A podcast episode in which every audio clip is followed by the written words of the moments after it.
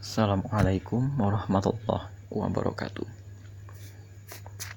Rekan-rekan sekalian, kita sampai di sebuah episode ketika Rasulullah sudah sampai di kota Madinah dan mayoritas para sahabat Nabi juga sudah sampai di Madinah.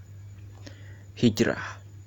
Tapi ternyata masih ada sekelompok sahabat Nabi yang tertinggal di kota Mekah dengan berbagai alasan sehingga tidak bisa ikut hijrah bersama dengan Rasulullah. Mereka tertahan atau mereka mungkin tidak mendapatkan biaya dan mereka takut dengan hadangan orang-orang Quraisy yang pada saat itu dipimpin oleh Abu Jahal. Rekan-rekan sekalian, tentang itulah podcast ngaji budaya kali ini akan hadir menceritakan kembali kisah yang terjadi tentang sahabat-sahabat Nabi yang belum sempat hijrah menyusul Rasulullah Shallallahu Alaihi Wasallam. Kita buka cerita ini dengan apa yang menimpa seorang sahabat, Umar bin Khattab namanya. Dalam sebuah kisah hijrah yang populer, masyhur, diceritakan bahwa Umar bin Khattab itu berhijrah sambil satu persatu memegang dagu orang Quraisy dan kemudian Umar bin Khattab menantang siapa yang mau bapak uh, siapa yang mau ibunya menjadi janda anak menjadi yatim susul aku ke balik bukit sana Lalu diceritakan kembali bahwa tidak ada yang berani menyusul Umar bin Khattab sehingga orang-orang yang lemah itu berkumpul di sekeliling Umar bin Khattab dan hijrah bersamanya. Akan tetapi ternyata ada satu kisah hijrah yang sahih. Yang kisah hijrah ini dicantumkan dalam kitab Sirah Ibnu Hisham yang ternyata kisah hijrah Umar bin Khattab sebagaimana perintah dari Rasulullah Shallallahu Alaihi Wasallam. Bukan kisah hijrah yang begitu e, begitu besar bukan kisah hijrah yang begitu ramai begitu riuh. Tapi kisah hijrah yang begitu lembut yang memberikan kita pesan betapa hijrah tidak bisa kita lakukan seorang diri dan hijrah juga tidak bisa kita lakukan dengan meninggalkan sahabat kita. Di kota Makkah, Umar bin Khattab radhiyallahu an itu memiliki dua orang sahabat. Yang pertama, Hisham bin Abal As. Hisham bin Abal As itu juga seorang eh, kira-kira pemuda pada saat itu, tokoh pemuda yang pengaruhnya sama seperti Umar hanya kemudian Umar memang lebih menonjol. Yang kedua ada Iyash bin Abi Rabi'ah. Jadi yang pertama Hisham bin Abal As, yang kedua Iyash bin Abi Rabi'ah. Iyash bin Abi Rabi'ah ternyata adalah saudara seibu atau adik dari ibu yang sama dengan Abu Jahal bin Hisham. Ya. E, karena ternyata bapaknya Abu Jahal itu sudah meninggal sehingga ibunya menikah lagi dengan Iyash bin dengan Abi Robiah gitu ya. Nah, jadi e, dua orang ini satu ibu hanya kemudian berbeda bapak gitu ya. Nah, Abu Jahal tahu banget ya, sangat tahu bahwa Iyash sangat mencintai ibunya. Iyash sangat mencintai ibunya sehingga salah satu pertimbangan yang membuat Iyash itu tidak mau berhijrah, tapi lebih tepatnya bukan tidak mau, tapi nanti Iyash akan tertahan berhijrah adalah ibunya. Suatu malam, mereka bersepakat dengan Umar bin Khattab. Hisham, Iyas, dan Umar bersepakat untuk hijrah. Di hari yang sudah ditentukan, beberapa hari setelah malam itu, mereka bersepakat untuk bertemu di sebuah kebun, dan dari kebun itu mereka akan berangkat. Bila di waktu yang sudah ditentukan, mereka tidak berkumpul atau salah satu di antara mereka tidak hadir, maka orang itu akan ditinggal dan mereka akan langsung melanjutkan perjalanan ke kota Madinah. Alkisah eh, rekan-rekan sekalian, Hisham ternyata ketahuan. Mungkin beliau mempersiapkan bekal sedemikian rupa sehingga orang-orang mengetahui bahwa dia akan berangkat ke kota Madinah. Maka Hisham akhirnya tertahan. Terdapat kisah yang cukup panjang mengenai tertahan Hisham hanya kemudian lebih menarik adalah kisahnya Iyash.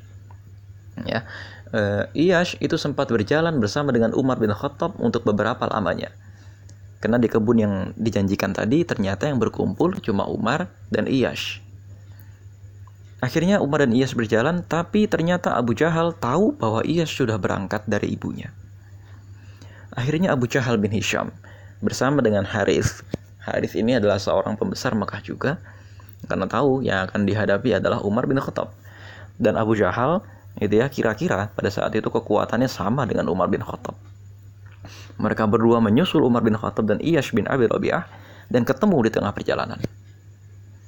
Sesampainya di tengah-tengah perjalanan, Iyas berhasil dibujuk dengan mengatakan bahwa ibunya sangat merindukan dirinya dan ibunya sangat tidak ingin Iyas pergi dari kota Mekah. Akhirnya Iyas berhasil dirayu dan betapa gundahnya hati Umar bin Khattab ketika Iyas akhirnya ikut dengan Abu Jahal. Nah, rekan-rekan sekalian, kegundahan hati Umar ini terus berlanjut sehingga beliau memasuki kota Madinah. Beliau mengetahui, Umar mengetahui bahwa masih banyak sahabat Nabi yang tertahan belum bisa berangkat ke kota Madinah. Termasuk di antaranya beberapa sahabat perempuan seperti Ummu Salamah atau juga anak perempuan Rasulullah sendiri yaitu Zainab binti Rasulullah yang tertahan oleh kaumnya dan lain sebagainya. Nah, kemudian rekan-rekan sekalian, sampai di sini Umar merenung.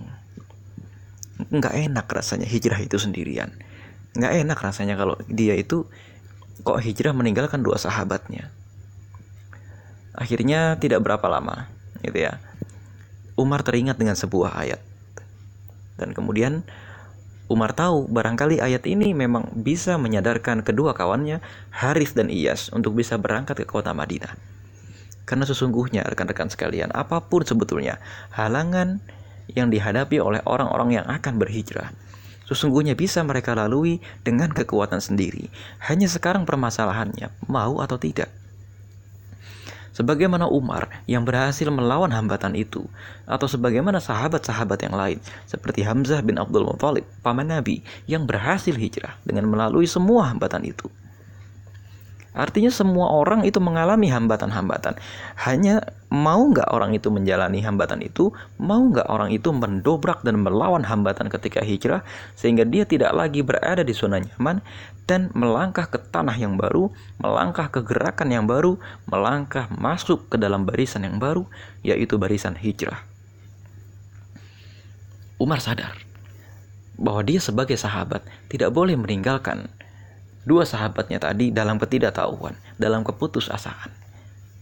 Akhirnya Umar Umar menuliskan sebuah surat dari Umar bin Khattab gitu ya kepada Hisham bin Abi Rabi'ah dan Iyash uh, kepada Hisham bin Abal As dan Iyash bin Abi Rabi'ah. Kemudian surat ini Al-Kisah gitu ya dikirimkan kepada Hisham bin Abi Rabi'ah gitu ya. Dikirimkan kepada Hisham bin Abal As dan sampailah ke tangan Hisham pada saat itu. Pelan-pelan surat ini dibuka oleh Hisham. Dan dia terpana. Hisham terpana. Karena dalam surat itu Umar menulis sebuah ayat. Uh, Hisham awalnya tidak mengerti maksud ayat ini. Kemudian Hisham uh, berjalan sebentar. Dia merenung. Dia melihat para sahabat-sahabat Nabi yang belum bisa berangkat hijrah mereka putus asa. Mereka mengira pintu ampunan sudah ditutup karena pada saat itu Rasulullah sendiri sudah pergi meninggalkan kota Mekah. Rasulullah sudah sampai di kota Madinah dan di kota Mekah sendiri sudah e, kekuatan Islam sudah tidak ada. Tinggal orang-orang lemah atau tinggal orang-orang yang nggak niat untuk berangkat hijrah. Tinggal orang-orang yang memang betul-betul hambatan hijrahnya itu bukan gara-gara Allah tapi gara-gara hambatan-hambatan duniawi yang sebetulnya dilawan itu masih bisa. Kebanyakan di antara mereka menjadi putus asa, seolah-olah pintu taubat sudah tertutup. Karena mereka ketinggalan dari Rasulullah. Karena mereka itu nggak bisa ngikut. Akhirnya Hisham berdoa.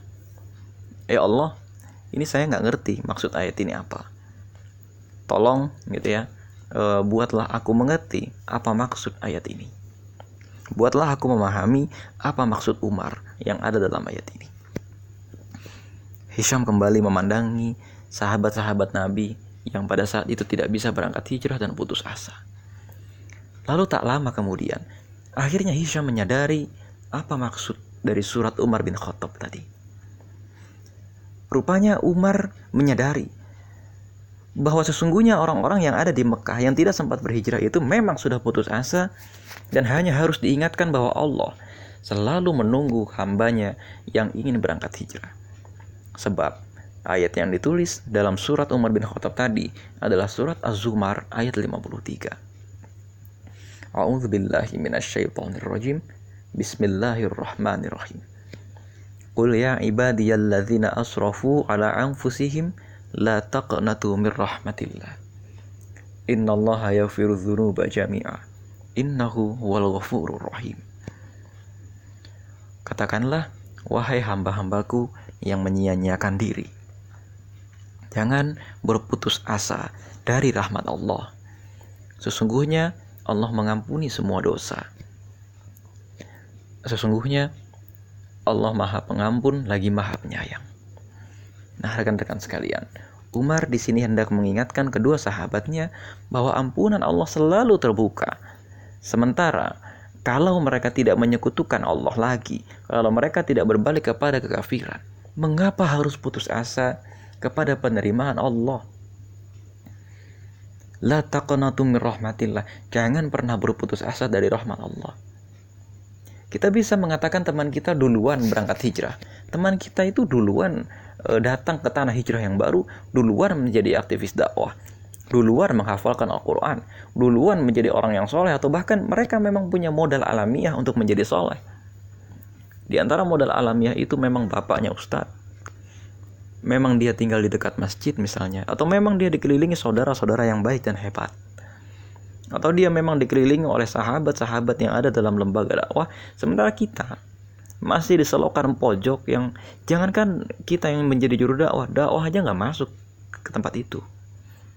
Tapi kata Allah la taqnatu min rahmatillah. Jangan berputus asa dari rahmat Allah karena ternyata surat Umar itu masih disampaikan oleh Allah kepada Hisham nah ini saja sudah ada satu proses langit yang bermain kalau memang Allah tidak mau menerima taubat Hisham, kalau Allah memang tidak mau terus menunggu hamba-hambanya yang terlambat berhijrah, kenapa Allah menyampaikan surat Umar bin Khattab tadi kepada Hisham? Konteksnya begini, di zaman kita hari ini memang Rasulullah sudah tidak ada. Tapi Allah senantiasa menjaga Al-Quran. Allah memberikan Al-Quran kepada kita dan kita juga dibebaskan oleh Allah kapan saja membaca Al-Quran, kapan saja mendengarkan Al-Quran, kapan saja mendengarkan nasihat. Apa artinya? Pintu taubat masih terus terbuka. Pintu ampunan masih terus terbuka. Dan jangan berputus asa. Jangan menganggap bahwa Allah tidak lagi menunggu kita, bahwa pintu taubat sudah tertutup, bahwa kita tidak lagi punya harapan. Kita cuma terlambat terlambat itu masih ditunggu. Allah itu akan menunggu sampai kita mati atau sampai kita mengucapkan kalimat-kalimat kekafiran dengan kita sadari. La taqnatu min rahmatillah. Jangan pernah berputus asa dari rahmat Allah. Apalagi kalau konteksnya kita itu cuma terlambat berubah. Hari ini belum pakai jilbab, nggak masalah. Allah masih menunggu. Oke teman-teman harusnya punya amalan-amalan kebaikan pengganti sementara menguatkan diri untuk tetap berjilbab atau menguatkan diri untuk nanti menggunakan jilbab. Bagi teman-teman yang hari ini eh, yang perempuan masih menggunakan celana, ya belum menggunakan rok misalnya, atau masih pacaran, atau masih jatuh dalam kebiasaan-kebiasaan buruk yang itu bertentangan dengan ajaran agama Islam yang suci yang bersih La taqnatu mir rahmatillah. Jangan pernah berputus asa dari rahmat Allah. Itulah pesan dari surat Az-Zumar ayat 53. Ayo, yang masih belum yang kira-kira masih kira-kira kok belum mendengar panggilan Allah. Sesungguhnya kita sudah mendengar, hanya belum mengikhlaskan diri kita untuk mendengar panggilan itu. Kita belum mengizinkan hati kita untuk mendengar, itu mental block. Ya, itu mental block. Mental kita sendiri yang menutup suara panggilan itu sehingga kita tidak bisa menyambutnya. Rekan-rekan sekalian, yang kedua, selain masalah kita yang memang masih ditunggu oleh Allah. Hijrah itu dari kisah Umar bin Khattab dengan Hisham bin Abal As dan Iyash bin Abi Robi'ah. Pesannya adalah, memang hijrah itu nggak bisa kalau sendirian.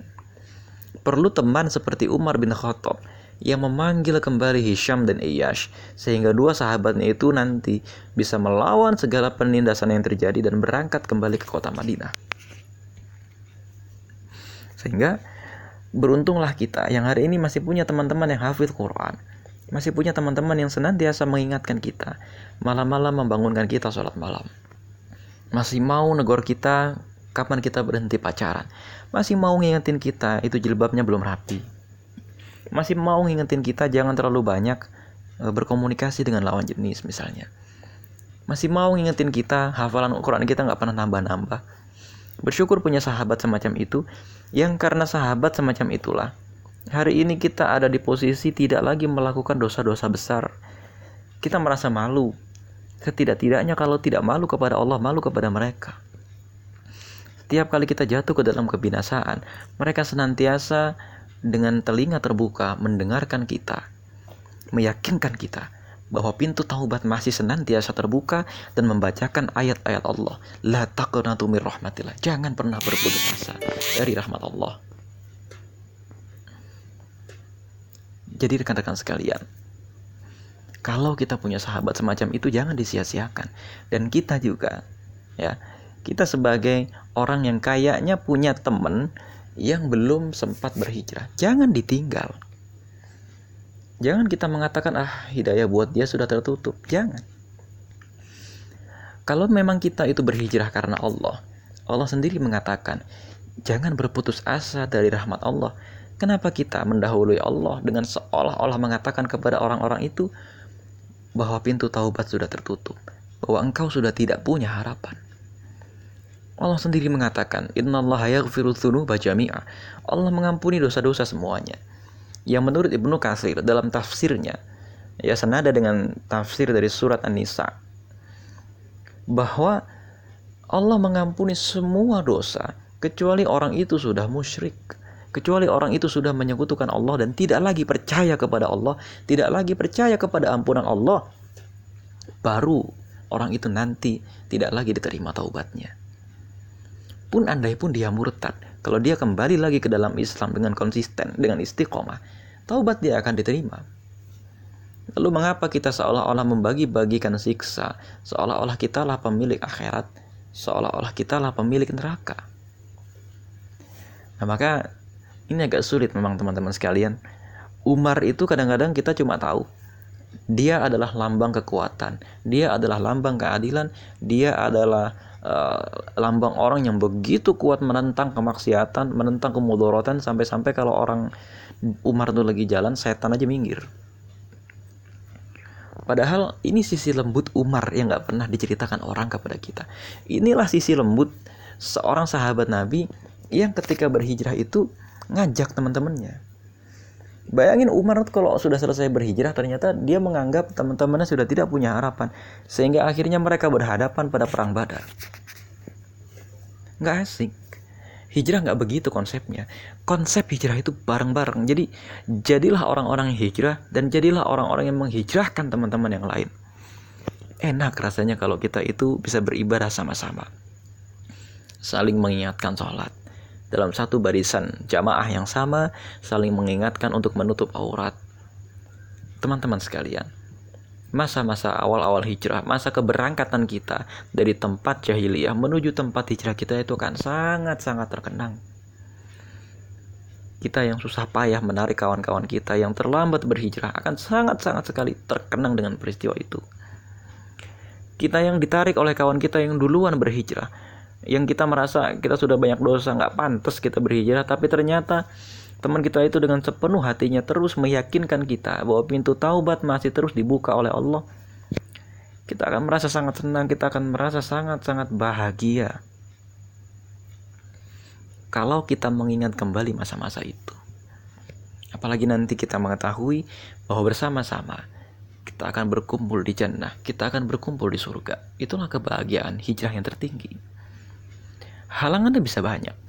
Bisa orang tua misalnya, bisa pekerjaan, uh, bisa lingkungan yang lama, bisa uang dan lain-lain. Tapi itu semua mental block.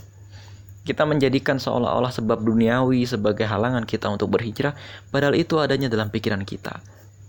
Banyak orang di luar sana mengalami masalah lebih sulit daripada kita, tapi itu tidak menghalanginya berhijrah. Kenapa? Dia berhasil menghapus mental block maka mulai sekarang teman-teman sekalian, sebutlah nama Allah dalam-dalam. lantunkan ayat-ayat Al-Quran itu dengan dengan halus sekali, jauh dalam hati. Dan jangan lupa bahwa pintu taubat tidak pernah ditutup. Jangan pernah berputus asa dari rahmat Allah. La taqnatu bir rahmatillah. Assalamualaikum warahmatullahi wabarakatuh.